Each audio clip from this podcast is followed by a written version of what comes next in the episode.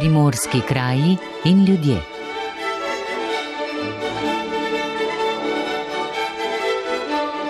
Da je Vladimir Lovec svojo ustvarjalnostjo z organizacijskim in pedagoškim delom močno zaznamoval glasbeno življenje v Kopru, smo v zadnjem tednu že veliko krat slišali.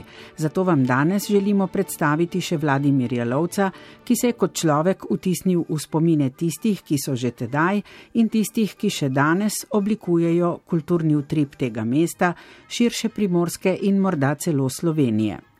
Med temi, ki so se odzvali po vabilu Helene Filipčič Gardina, da v projekt Vladimir Lovec 100 let prispevajo svoje spomine, smo za današnjo oddajo izbrali utrinke iz razmišljanj jazz glasbenika, slikarja, dveh sodelavk Radija Koper in treh pedagogov z glasbene šole Koper.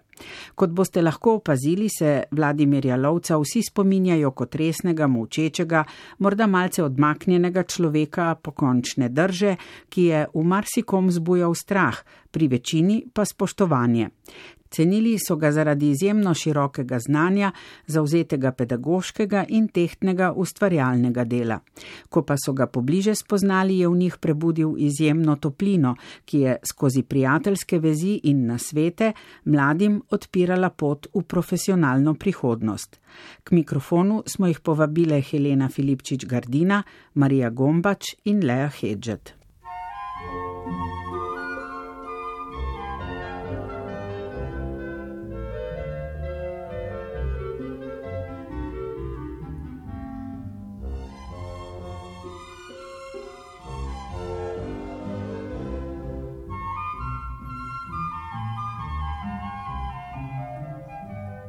O prvih spominih na ravnateljevanje Vladimirja Lovca nam je pripovedoval Borut Logar, ki je bil leta 1952, ko je Lovec začel svoje delo na glasbeni šoli, še dijak Koperske gimnazije in seveda učenec glasbene šole. Kasneje, ko se je tudi sam zaposlil na tej šoli, pa veliko let tudi Lovčev kolega. Ja, jaz se ga spominjam najprej kot ravnatelja, ko je bila šola še v sedanji stavbi knjižnice. In potem, ko smo se preselili v palačo Kravizi Barba Bjanka, kjer je šola še danes, torej v teh njegovih prvih časih ravnateljevanja, jaz sem bil takrat dijak na gimnaziji. Od takrat se ga spominjam kot takega prijaznega, dobrodušnega človeka, vsi so ga imeli radi, učitelji so tudi moj oče je bil med njimi in so bili prav srečni, da imajo takega človeka kot ravnatelja. No, in kasneje kot kolega, spoštovali smo ga pač vsi. Zelo držal je avtoriteto, ampak to pravzaprav bolj zaradi svojim znanjem, svojim delom. Ne. Imel je tudi kakšno svojo lastno osebnostno težavo, ampak to ni motilo našega dela in naših odnosov, izvrsten človek je bil.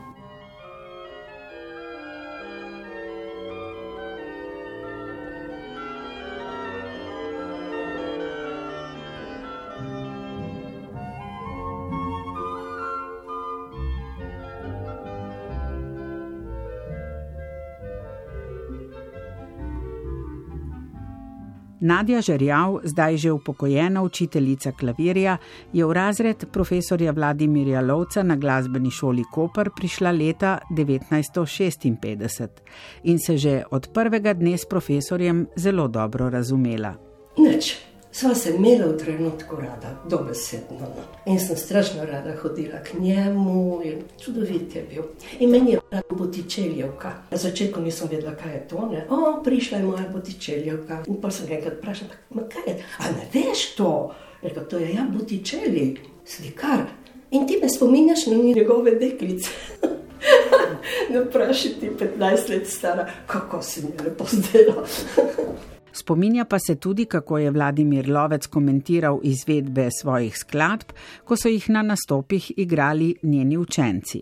Godnič Klaudi igra te tri groteske ne, na nastopu in mi reče: No, ne pravi, ampak jaz nisem vedel, da sem nekaj tako lepega skomponiral. Tako da to pokaže, kako smo mi tri ustvarjalci v tej umetnosti. Ne? Prvi je skladatelj, ustvarja svoj svet, na kar je izvajalec, ki mora spet isti svet, ampak ga po svojem spet ustvarjati. In tretji je oprosti poslušalec, ker ravno takrat ta svet isti ga ustvarja po svojem.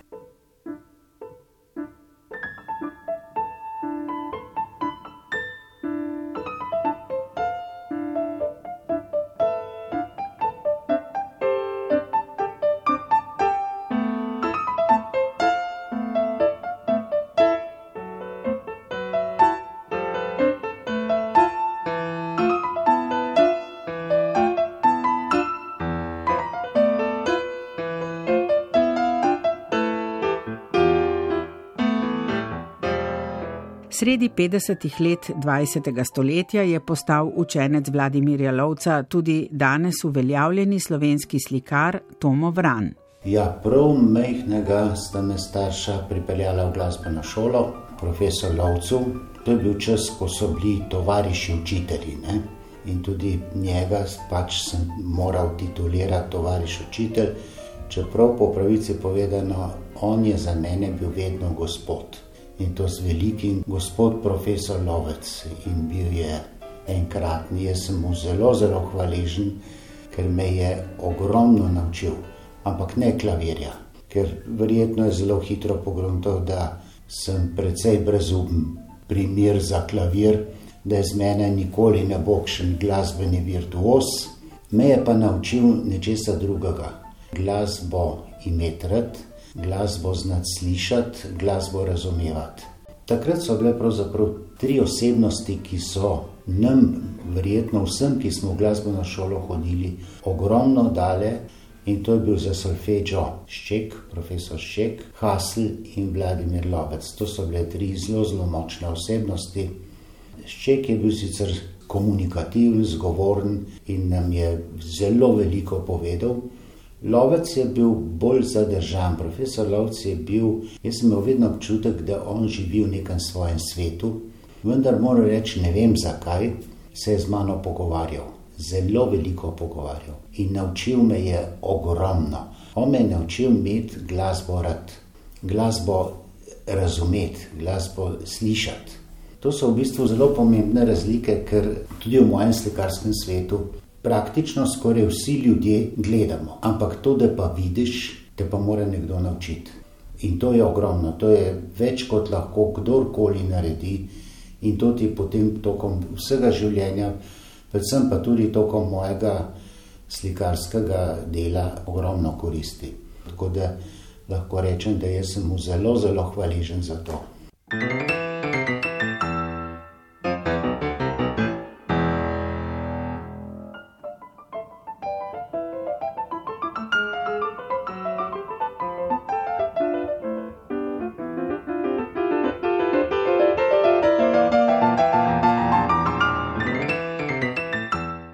Leta 1972 je svoje šolanje na glasbeni šoli Koper sklenila naša nekdanja radijska kolegica, glasbena urednica in muzikologinja Branka Kljun.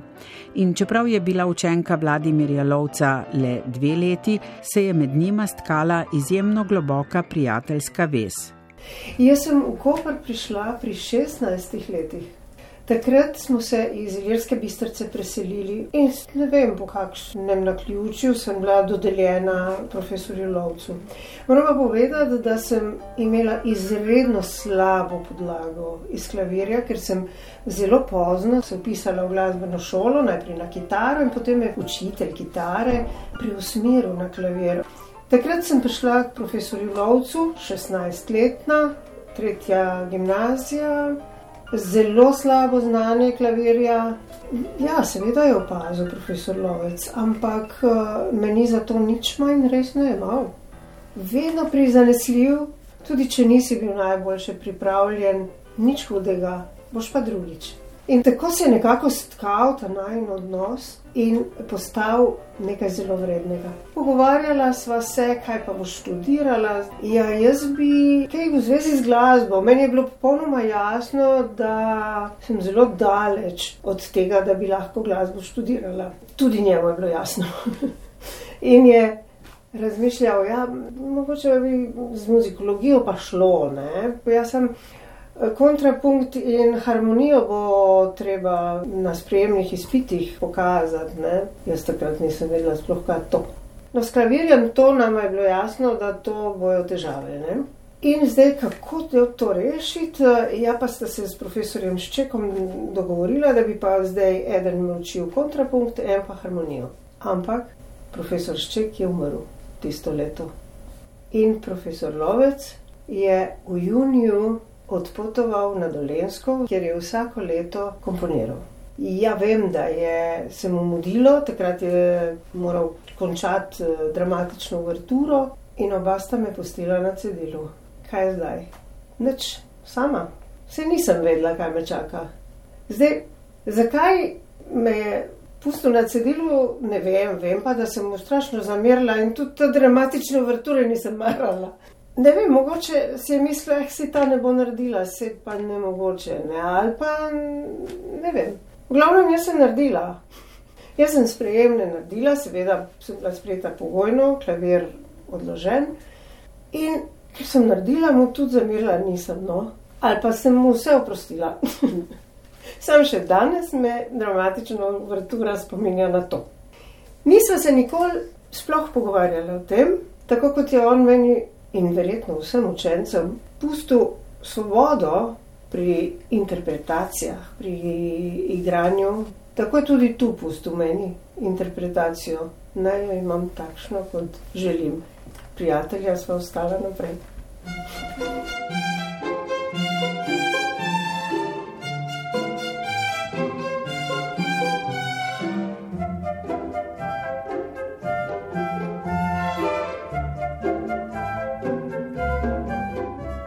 Nuška Gregorič, danes učiteljica klavirja na glasbeni šoli Koper, sodi v srečnejšo generacijo, ki so ji že na šoli omogočili pouk harmonije za sprejemne izpite, kajpak pri profesorju Lovcu. A dal ji je veliko več, tako se ga spominja. Vladimirja Lovca so ljudje ponavadi označevali kot zelo strogega človeka in mogoče je res svojim resnim izrazom in tako pokončno držo po šoli deloval malo odmaknjeno. Ko pa te je sprejel in ko si imel individualni pouk, z njim si odkril zelo toplega človeka, ki je znal prisluhniti in hkrati zelo na enostaven način ti dal voljo za naprej in za delo. Um, moj osebni spomin, kadar sem bila kaj obupana, pa sem rekla, joj se to nima nobenega smisla več študirati take stvari, kdo pa to posluša. Pa je rekel, ja sej, nekdo mora igrati, se rabimo pianiste za to, kdo bo pa igral. In potem je bilo to tako ena preprosta resnica, ki. Seveda, nekdo pa mora tudi igrati, zakaj pa ne. In še nekaj se spomnim, kako zelo je sovražil osladnost. Recimo, včasih si je zaželel stvari, ki bi bile ne na prvo žogo. No, tako bom rekla. Se pravi, vse, kar je bilo popularno in kar tudi danes še uh, navdušuje ljudi, je on tako mičkano spravljal na stranski tir in eh, zanimalo ga so ga stvari, ki so bile oče zahtevnejše za poslušati in to mislim, da je bila taka popotnica, ki je ostala tudi meni. Zelo pomembna stvar je to, da Vladimir Lovec je pravzaprav ustvaril identiteto glasbene šole Koper.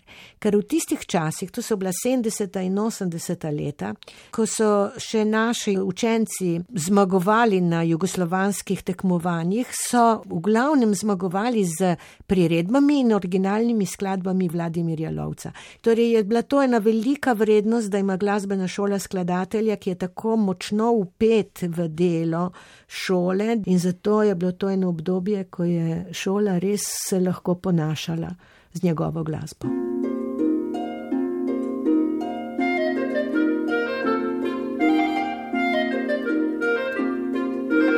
Nekaj let kasneje je postala učenka Vladimirja Lovca tudi naša radijska kolegica, voditeljica Janja Lešnik. Profesora Lovca se spomnim, da je bil takrat ena tako zelo avtoritativna figura, visok, slog, moški s črnimi očali, s tistim glasom, eh, strogim. Tako da je vzbujal eno spoštovanje, avtoriteto, drugačen je bil. Ne? pri nauku o glasbi, v šestem razredu, sem bila med mlajšimi. Ampak že takrat se mi je razkril kot en kar prijeten možak, ki je znal o glasbi pripovedovati bogato, raznovrstno, je znal prepričati, je znal nas tudi tako speljati k razmišljanju, zakaj. Vem, da je bil enkrat celo nad enim mojim spisom kar navdušen. Po drugi strani me je enkrat nami celo razkrinkal, ko sem špricala z eno tako neverjetno zgodbo, ampak vse na en tak prijeten način. No, in potem pa eh, se je najna zgodba nadaljevala tako, da je eh, profesor Sever, ki je bil res že zelo star, me nekako priporočil njemu, da bi postala njegova učenka. In seveda sem se jaz eh, na to pripravljala, ker se jim velikim smokom v grlu. Vem, da je najna prva ura bila taka, da sem jaz to lepo zaigrala. In on se je nasmehnil in je rekel, da zgleda, da sem dobil pa eno pridno učenko. In bi rekel, da se je takrat začelo eno najno prijateljstvo, ki je trajalo čez celo gimnazijo, skozi vsa ta leta. Sva preigrala ogromno literature, bi rekla, ker se mi zdi, da smo takrat veliko manj podarka dajali na tehniko, vsaj profesor Lovec ne. Ampak mi je pa dal en, en velik uvid v glasbo in ne samo to. Jaz se ga spomnim predvsem kot človeka, s katerim sem se v teh najbolj pomembnih letih, ko se mlada osebnost razvija, ko razmišlja, ko se odloča, kaj naprej, koliko sva se mi dva pogovarjala. In se mi zdi, da z njim se je res dalo ne samo o glasbi, tudi o zgodovini, za katero sem se odločila in o kateri je on veliko vedel, ker je tudi on tako začel. Vse te moje dileme o tem, eh, kako in zakaj, vse to sem z njim predebatirala in meni se zdi, da mi je dal eno tako dragoceno prijateljstvo, tisti enakovreden odnos odraslega človeka, eh, ki te oblikuje za celo življenje. Ne? Predvsem to.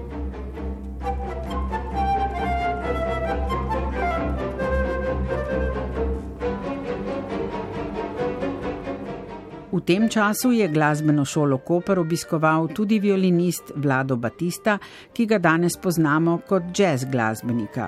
Tedaj pa je igral v šolskem orkestru, s katerim je preigral veliko lovčevih partitur. No, jaz eh, imam vtise predvsem kot otrok, V tistem času je bil on zelo plodovit skladatelj, se spomnim. E, jaz sem kot violinist igral v šolskem orkestru, mislim, da vseh deset let, ko sem bil na glasbeni šoli. In njegove skladbe smo igrali od začetka do konca e, mojega obdobja, bi rekel, se pravi, od pre, bolj preprostih otroških do tistih bolj razvitih. In to se je lepo videlo, ker določene skladbe so pa doživeli tudi e, izvedbo v profesionalnih zasedbah, ne? kar mi je bilo veliko zadovoljstvo in ponos, da sem sodeloval zraven kot otrok, sicer tam. Ne. Drugače eh, smo do njega čutili vsi veliko spoštovanje zaradi njegove glasbene vsestranskosti. Ne. Vlado Batista je pa posebej izpostavil tudi vlogo, ki jo je Vladimir Lovec odigral kot soustanovitelj Društva prijateljev glasbe.